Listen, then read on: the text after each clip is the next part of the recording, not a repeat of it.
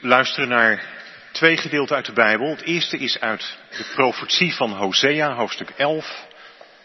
En daarna uit het evangelie naar de beschrijving van Matthäus, hoofdstuk 19. Alles in het kader van het zevende gebod. Gij zult niet echt breken. Hosea 11. Toen Israël nog een kind was, had ik het lief. Uit Egypte heb ik mijn zoon weggeroepen. Hoe harder ze geroepen werden, hoe meer ze hun eigen weg gingen. Ze brachten offers aan de Baals en brandden wierook voor godenbeelden. Terwijl ik het toch was die Ephraim leerde lopen en hem op mijn arm nam. Maar zij beseften niet dat ik hen verzorgde. Zacht leidde ik hen bij de teugels. Aan koorden van liefde trok ik hen mee. Ik verloste hen van het juk om hen te laten eten. Ik hield hun het voer zelfs nog voor. Zouden zij niet naar Egypte terugkeren? Zou Assyrië niet over hen heersen, nu zij weigeren naar mij terug te keren? Het zwaard zal huishouden in hun steden en hun orakelpriesters neerhouden om alles wat ze hebben uitgebroed. Mijn volk bijt zich vast in zijn ontrouw jegens mij. Al roepen ze tot mij, de Allerhoogste, ik zal hun lot niet verlichten. Ach, Ephraim, hoe zou ik je ooit kunnen prijsgeven? Hoe zou ik je kunnen uitleveren, Israël? Zou ik je prijsgeven als Atma, je laten ondergaan als Seboim? Mijn hart wordt verscheurd, door barmhartigheid word ik bewogen. Ik zal mijn toren laten varen en Ephraim niet opnieuw te gronden richten. Want God ben ik en geen mens. Ik ben in jullie midden. Ik ben heilig. Ik zal niet meer in woede ontsteken. De Heer zal brullen als een leeuw en zij zullen hem weer volgen. Wanneer hij brult, keren ze schuchter terug van over zee. Als bange vogeltjes komen ze uit Egypte, als duiven uit Assyrië. Dan laat ik hen weer wonen in hun eigen huis. Zo spreekt de Heer. Tweede lezing uit Matthäus 19, vers 1 tot 8. Nadat Jezus deze reden had uitgesproken, verliet hij Galilea en ging hij langs de overkant van Jordaan naar Judea. Grote massa's mensen volgden hem en hij genas hen ter plekke. Toen kwamen er fariseeën op hem af om hem op de proef te stellen. Ze vroegen, mag een man zijn vrouw om willekeurige welke reden verstoten? Hij zei, hebt u niet gelezen dat de schepper de mens bij het begin mannelijk en vrouwelijk heeft gemaakt? En hij vervolgde, daarom zal een man zijn vader en moeder verlaten en zich hechten aan zijn vrouw, en die twee zullen één worden. Ze zijn dan niet langer twee, maar één. Wat God heeft verbonden, mag een mens niet scheiden. Toen vroegen ze hem, waarom heeft Mozes dan voorgeschreven haar een scheidingsbrief te geven en haar zo te verstoten? Hij antwoordde, omdat u harteloos en koppig bent. Daarom heeft Mozes u toegestaan uw vrouw te verstoten, maar dat is niet vanaf het begin zo geweest. Dit is het woord van God. Na de preek klinkt uit gezang 178, vers 1, 6, 7 en 10. Jezus, om uw lijden groot.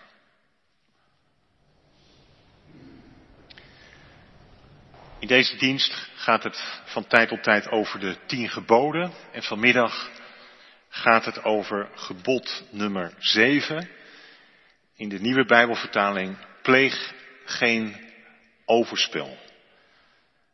In andere vertalingen, gij zult niet echt breken. Gemeente van onze Heer Jezus Christus. Vanmiddag gaat het over het zevende gebod. Ge zult niet echt breken. Pleeg geen overspel. Staat daarbij het verbod op echtscheiding centraal, zoals veel mensen denken als de tien geboden worden voorgelezen? Of gaat het bij echt breken om stellen ligt niet de nadruk, zoals de Heidelbergse catechismus het uitlegt, op geen onkuisheid doen. Feit is wel dat als het over het zevende gebod gaat, gaat het over seks. In ieder geval ook over seks. En als dat woord valt, dan wordt de belangstelling al snel gewekt. Want dan wordt het spannend. Als ik erover nadenk, dan staan zonden die te maken hebben met het zevende gebod ook vaak in de kerk sterker in de aandacht dan andere zonden. Zonden tegen andere geboden. Nou is dat trouwens niet aan de kerk voorbehouden. Als je een keer naar shownieuws van SBS6 kijkt, dan weet je dat het daar net zo werkt. Bij het nadenken over het zevende gebod kunnen ook allerlei discussies naar boven komen. Ik noem er een paar. Samenwonen, seks voor het huwelijk, echtscheiding, de ruimte voor andere levensverbintenissen enzovoort. Als thema voor deze dienst kreeg ik de woorden aangereikt. Ik ben trouw. En ik probeer vanmiddag daaruit te denken. Ik ben trouw. Is dat niet de kern van waar het om gaat? Ik ben trouw. Nou, naar mijn besef kan je dan eigenlijk niet anders dan beginnen bij wat boven de tien geboden geschreven staat. Ik ben de Heer uw God, die u uit Egypte, uit de slavernij bevrijd hebt. Die tien woorden, die tien geboden zijn aan Israël gegeven. Wanneer? Nou, toen ze uit Egypte bevrijd waren. Met de angst, met de slavernij van Egypte achter zich. Komt God naar hen toe. En hij sluit een verbond met zijn volk en daarboven staat, ik, de liefste, ben je God. Ik ben je bevrijder. Jullie lot heb ik me aangetrokken. En dat is een boodschap van hoop en van uitzicht. Dus als bevrijder schenkt God zijn gebod, zijn wet. Ja, en wet, dat klinkt misschien gelijk nogal dreigend en inperkend. Maar hoor dan even wat daarmee bedoeld wordt. De allerliefste laat zijn volk niet over aan hun eigen individuele geweten. Maar hij komt met zijn richting wijzende belofte. Hij wijst een weg om te gaan. Een weg die ons behoedt voor onvrijheid. Daarvoor zijn de geboden gegeven, om te voorkomen dat je weer slaaf wordt. Dat je weer in een slavenhuis terechtkomt, weer in Egypte. Ook in het zevende gebod klinkt die grondtoon door. Blijf bij je God, de God van het verbond. Blijf bij Hem die trouw is. Nou, zo wil ik vanmiddag luisteren naar pleeg geen overspel. Ge zult niet echt breken. Want ja, het wordt het is natuurlijk mooi dat het een verbondstekst is, maar het wordt tegelijk wel in alle scherpte gezegd. Je zult niet echt breken. Echt breken, dat doe je niet. En we hoorden net de woorden van Jezus in het evangelie tegen de fariseeën. Wat God heeft verbonden, wat hij heeft samengevoegd, scheide de mens niet. Pleeg geen overspel, zegt het zevende gebod. Met name in de boeken van Mozes wordt het breken van de echt door overspel scherp veroordeeld. In Leviticus 20 bijvoorbeeld staat daar zelfs de doodstraf op. En wat zit daarachter? Wat klinkt daarin door? Nou, ik denk, je mag het levensgeluk van je naaste niet kapot maken. Door een man of een vrouw los te maken, los te weken uit het verbond dat hij of zij is aangegaan. Want je naaste, dat is degene die met jou uit Egypte is bevrijd. Dus waar ben je mee bezig? Dat is zeg maar een lijn in Leviticus 20. En tegelijk is er in Deuteronomium 24, u thuis maar eens nalezen nog, ook te lezen dat er toch ook ruimte is voor het uit elkaar gaan van dat verbond. Voor echtscheiding zouden we zeggen. Er staat dat een man aan zijn vrouw een scheidingsbrief meegeeft. Wat vindt u daar nu van? vragen de fariseeën aan Jezus. En dan zegt Jezus, dat deed Mozes vanwege jullie harteloosheid. Vanwege uw hardigheid des harten. Met andere woorden, dat uit elkaar gaan is uitdrukkelijk niet de bedoeling. Je zou kunnen zeggen, het is een soort onmogelijke mogelijkheid. En waarom ligt daar nou de nadruk op? Nou, omdat het om een verbond gaat tussen twee mensen. In Spreuken 3 staan de bekende woorden, die klinken wel eens in een trouwdienst. Mogen liefde en trouw je nooit verlaten. Wind ze om je hals, schrijf ze in je hart. Liefde en trouw. Het zijn kenmerkende woorden voor een verbondsgemeenschap. Daarmee staan de verbondspartners voor elkaar in. Dat is de kern van de verbondsluiting voor Gods aangezicht. Dat je elkaar trouw belooft tot de dood je scheidt. Alle seizoenen van het leven. In goede en kwade dagen. Hoe kostbaar is dat? Een mens naast je. Samen optrekken. Een gemeenschappelijke geschiedenis maken. Een gemeenschappelijke biografie maken. Hoe kwetsbaar is dat ook niet? Er kan zoveel misgaan. Je kan elkaar maken en breken. Juist omdat je die mens naast je hebt.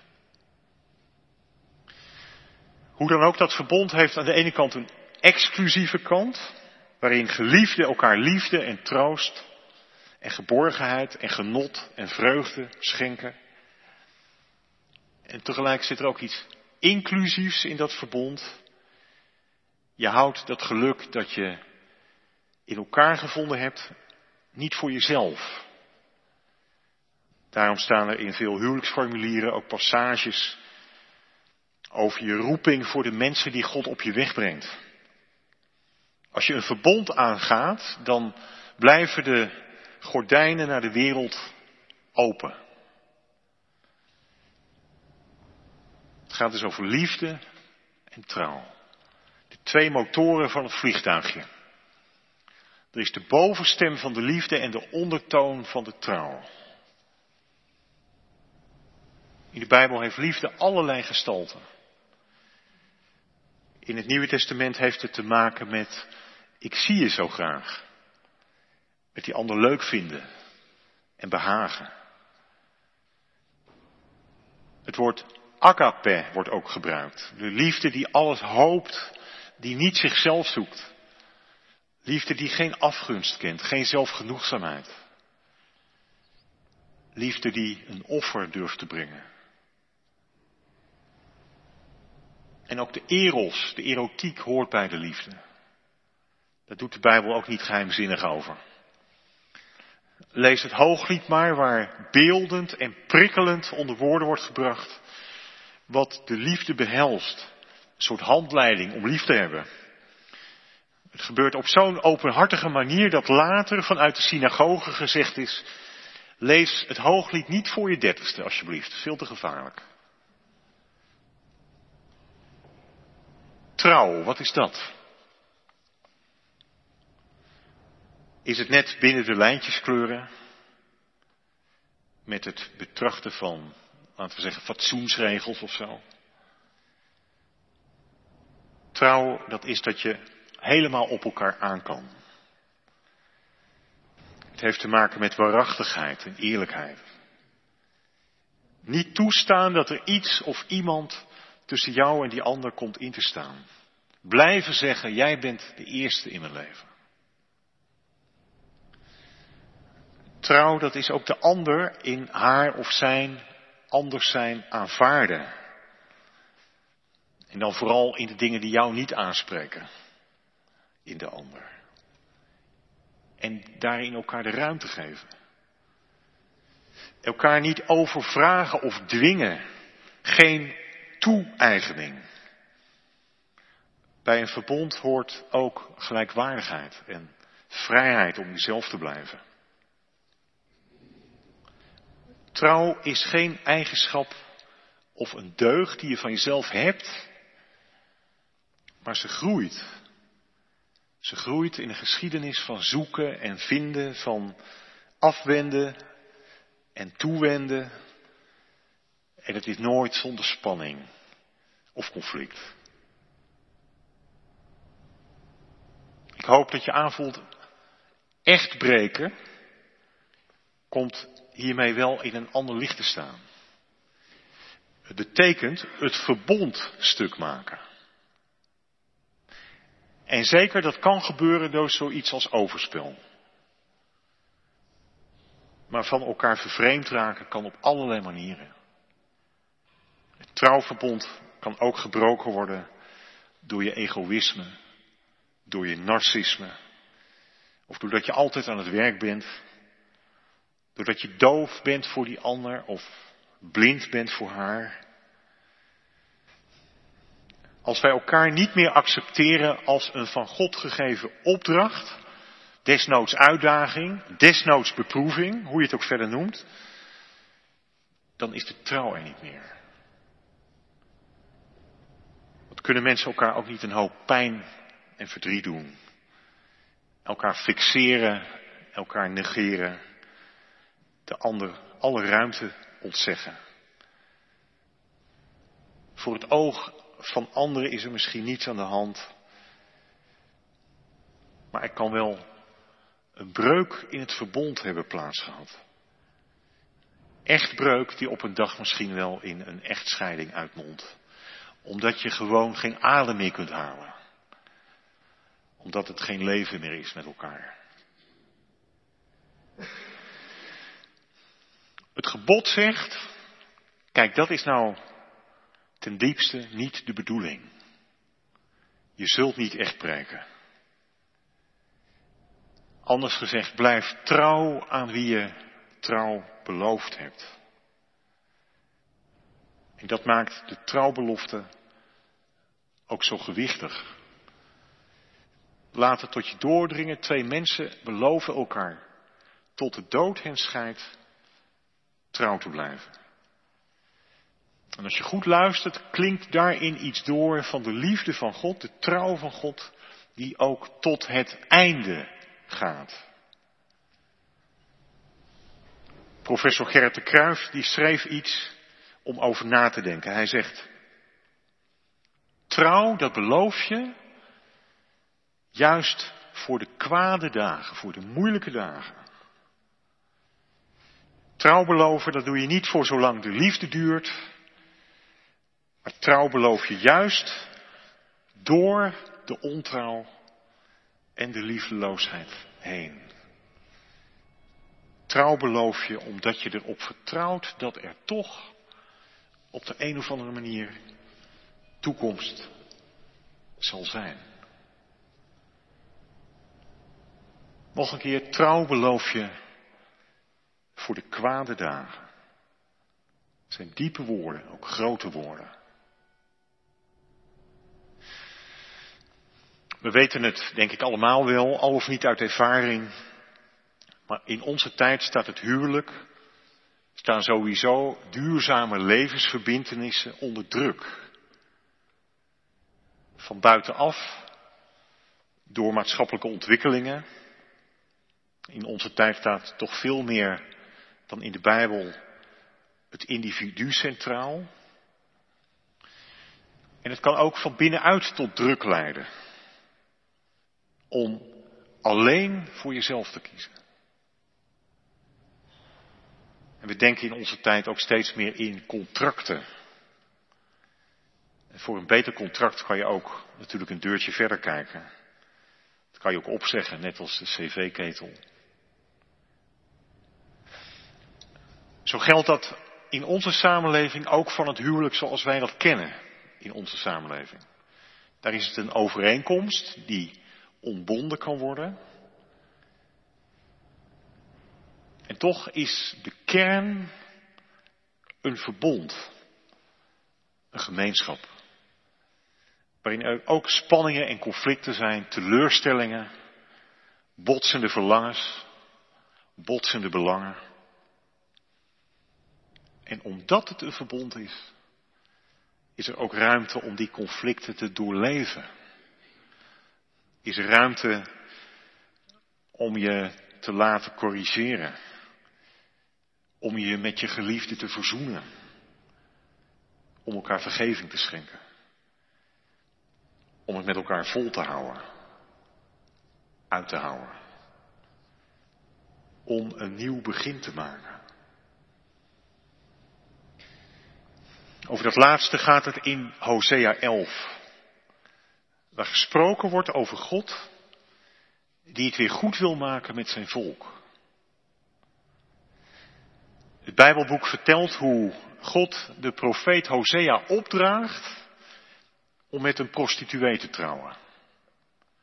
Om duidelijk te maken, kijk, zo staat het er dan voor tussen God en de mensen. Tussen God en zijn volk. Zo voelt God zich door de zonde van het volk dat andere goden, andere minnaars achterna loopt. Ontrouw, vreemdgaan, dat is aan de orde. En wat een pijn voel je niet als degene van wie je het meest houdt ontrouw blijkt te zijn. Je voelt je gekwetst, boos, jaloers, verdrietig ook. Hoe kan je dan ooit weer verder? Zo voelt God zich. Dat is trouwens een kenmerk van liefde, van echte liefde. Die kan niet zonder boosheid. Als je echt van iemand houdt, dan kan je ook kwaad op die ander worden. Omdat hij dom bezig is. Omdat hij wat zo kostbaar is, dreigt stuk te maken. Nou, de aanklacht van God tegen Israël, die gaat hoofdstukken lang door. Totdat hier in Hosea 11, vers 5, de Heere God zegt, zou het volk dat ik uit Egypte, uit het slavenhuis heb bevrijd, zou dat volk niet naar Egypte terugkeren? Is het niet beter dat Assyrië over hen zal regeren, nu ze weigeren naar mij terug te keren?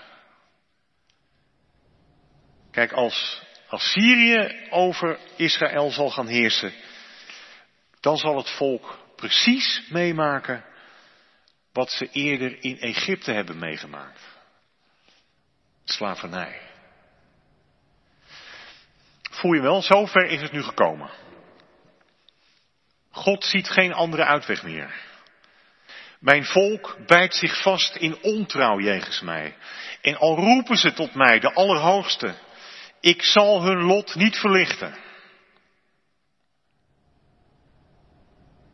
En toch, toch is dat niet het laatste. Ach, Ephraim, hoe zal ik jou prijsgeven? Hoe zou ik jou, Israël, kunnen uitleveren? Moet het het volk vergaan als Adama en Zeboim? Dat zijn steden die samen met Sodom en Gomorra zijn omgekeerd, weggevaagd. Nee, zegt de Heer. Mijn hart wordt verscheurd.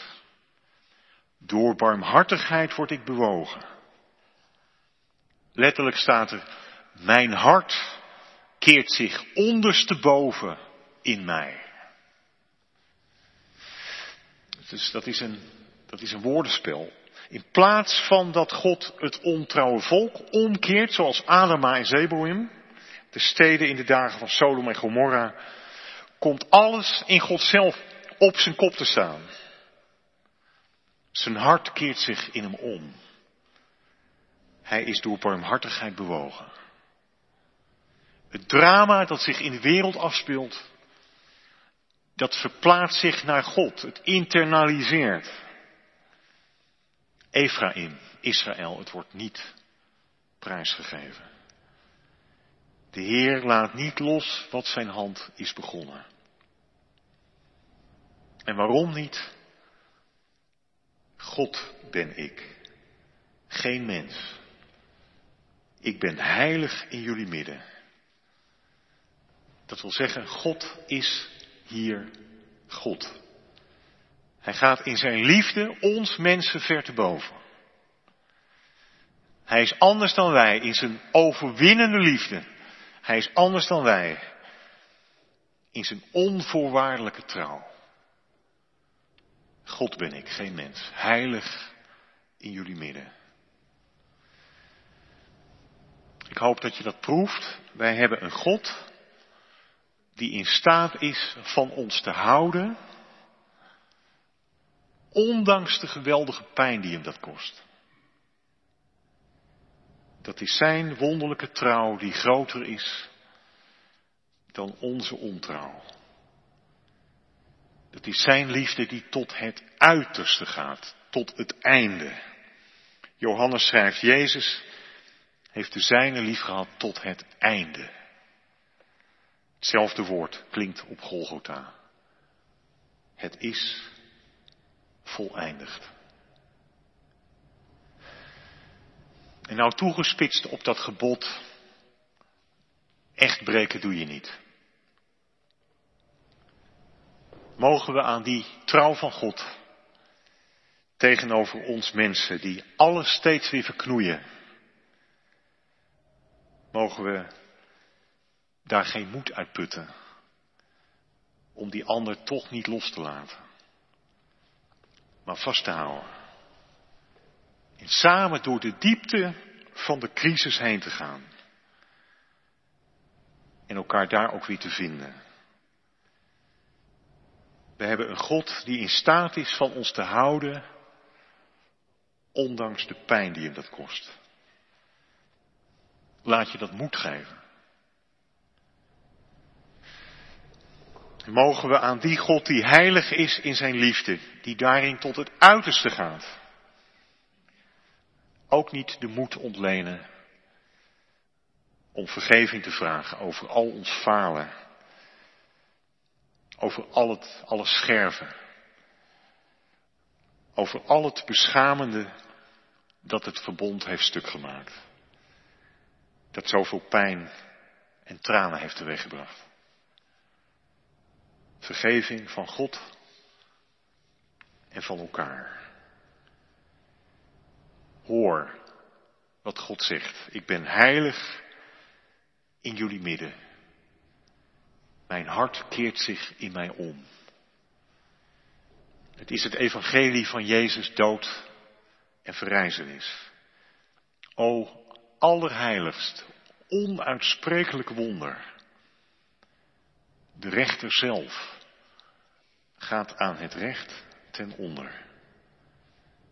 Groot is uw trouw, o Heer. Amen.